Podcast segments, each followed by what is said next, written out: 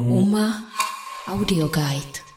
V nových prozatímních prostorech a s novým grafickým týmem Adélou Bierbaumer a Markem Fantou byla v Ústí nad Labem zahájena nová výstava s dvojjazyčným názvem Domov Heim. Pro Uma Audio Guide připravila Barbara Hájková. Dáme si Zuzany Doleželové, spolukurátorky výstavy, na téma a na spolupráci s německými kurátory a umělci.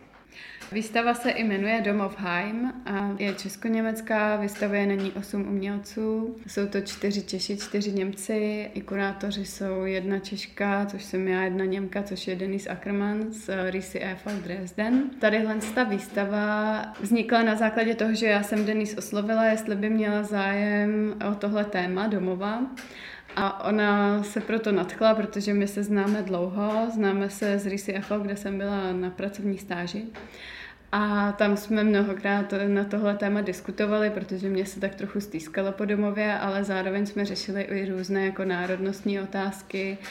Tenkrát tam vznikalo hnutí Pegida, takže jako jsme hodně řešili i uprchlíky a tadyhle ty témata, které vlastně hýbou společností dodnes. A právě když jsme připravovali tuhletu výstavu, tak jsme si řekli, že nechceme uh, přesně tadyhle ty národnostní a uh, nacionalistické otázky do té výstavy vůbec zatahovat že chceme udělat výstavu na takové obecně lidské téma domova. Což si myslím, že se nám trošku i povedlo, protože na té výstavě nepoznáte, kdo je Čech a kdo je Němec. Vlastně ty témata jsou spíš tak jako pozitivní a negativní vnímání toho, co se doma a kolem domova odehrává.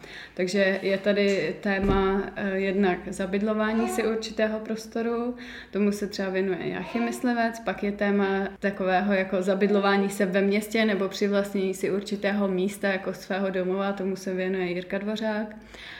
Pak tady máme téma domácího násilí, různých nočních můr a špatných věcí, co se odehrávají v našich domovech. To je antieguské.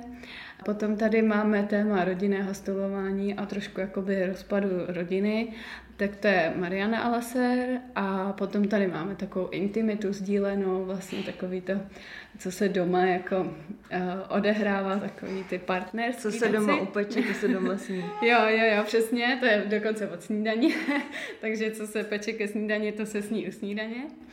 A to je Lemos a Límen, což je vlastně partnerská dvojice. Lemos i Límen jsou jejich příjmení.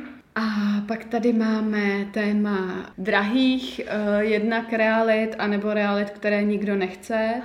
Tomu se věnuje Nora Mesároš a to dílo se jmenuje Domy na prodej, ale vlastně jsou to domy, kde nikdy nikdo bydlet nebude. A to je docela zajímavá kolekce i svojí formou, že jsou to malé formáty. Mm-hmm, mm-hmm. To je takové vlastně na první dobrou jako nenápadné dílo, ale mně přijde právě tohle dílo tady hrozně potřebné, vzhledem k tomu, že Fustí jako je vlastně taková podobná tématika, které ona se věnuje. Tady je taky velká spousta realit, které vlastně nikdo nechce. A na druhou stranu jako takové to kvalitní bydlení je tak strašně nadsazené, že už si ho nikdo skoro dovolit nemůže. Takže tady jako je taky spousta těch domů na prodej, které ale vlastně nikdo nekupuje, protože nikdo tady ty buď předražené reality, anebo úplně vybydlené, opuštěné lokality nechce obývat a nechce je mít za svůj domov. Poslední, co tady máme, tak jsou takové malby Johana Schafera a to jsou vlastně takové běžné každodenní věci, které naše domovy doplňují, ale nej, nejsou v nich to nejpodstatnější.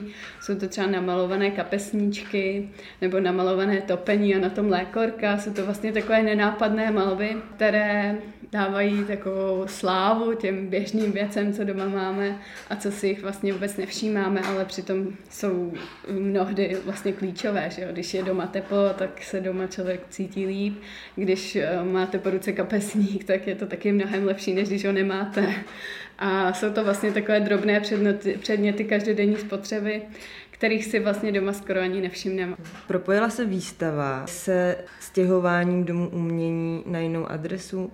Ano, propojilo, i když to teda původně nebylo úplně záměrem, jakože bychom plánovali dopředu, že zrovna se bude stěhovat dům umění Ústí nad Labem a zrovna bude výstava domov, ale nám z Denis Ackerman se to líbilo, protože vlastně to téma toho zabydlování se té galerie v nových prostorech je taky zajímavé a dalo se to docela dobře propojit v tom smyslu, že vlastně my máme téma domova a zároveň ta galerie se stěhuje do svého nového domova, který je teda na Masarykově ulici, číslo 14.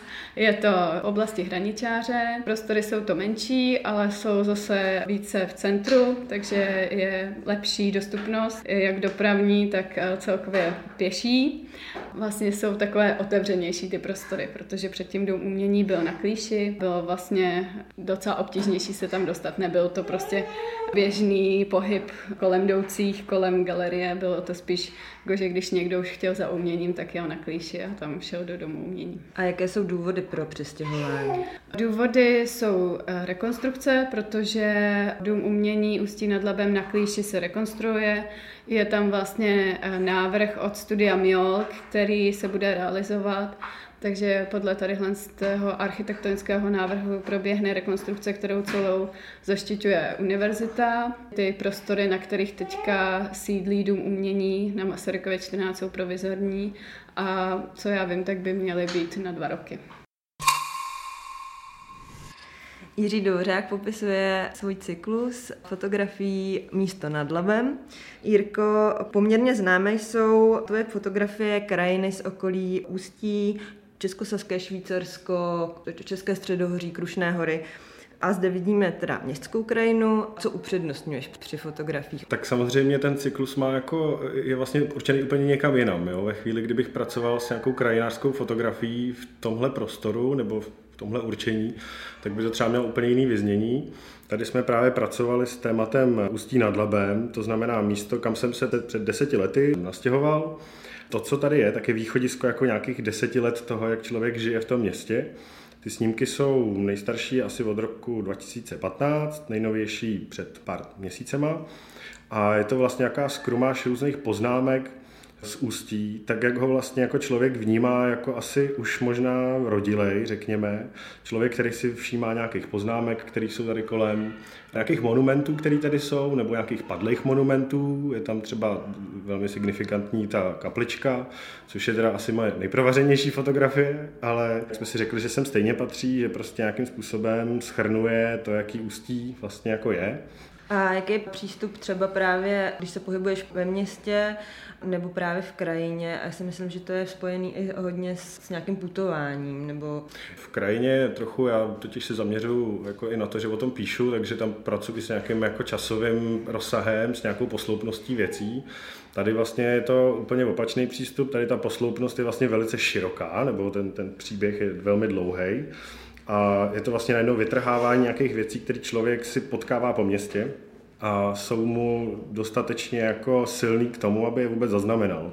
Je to vlastně nějaký poznamenávání si o tom, jak je ústí jako divný, ale na tom jsme se vlastně dohodli se Zuzkou, že vlastně ona to viděla jako, že jsou to relativně jako negativní poznámky, ale já to vidím úplně jinak, protože to vidím jako v rámci práce fotografa, to znamená, že já se snažím nějakým způsobem si vybrat nějaký moment, jak ho zarovnat, komponovat, zaznamenat, podat tak, aby to vlastně byla jako nějaká estetizovaná jako kvalita toho města.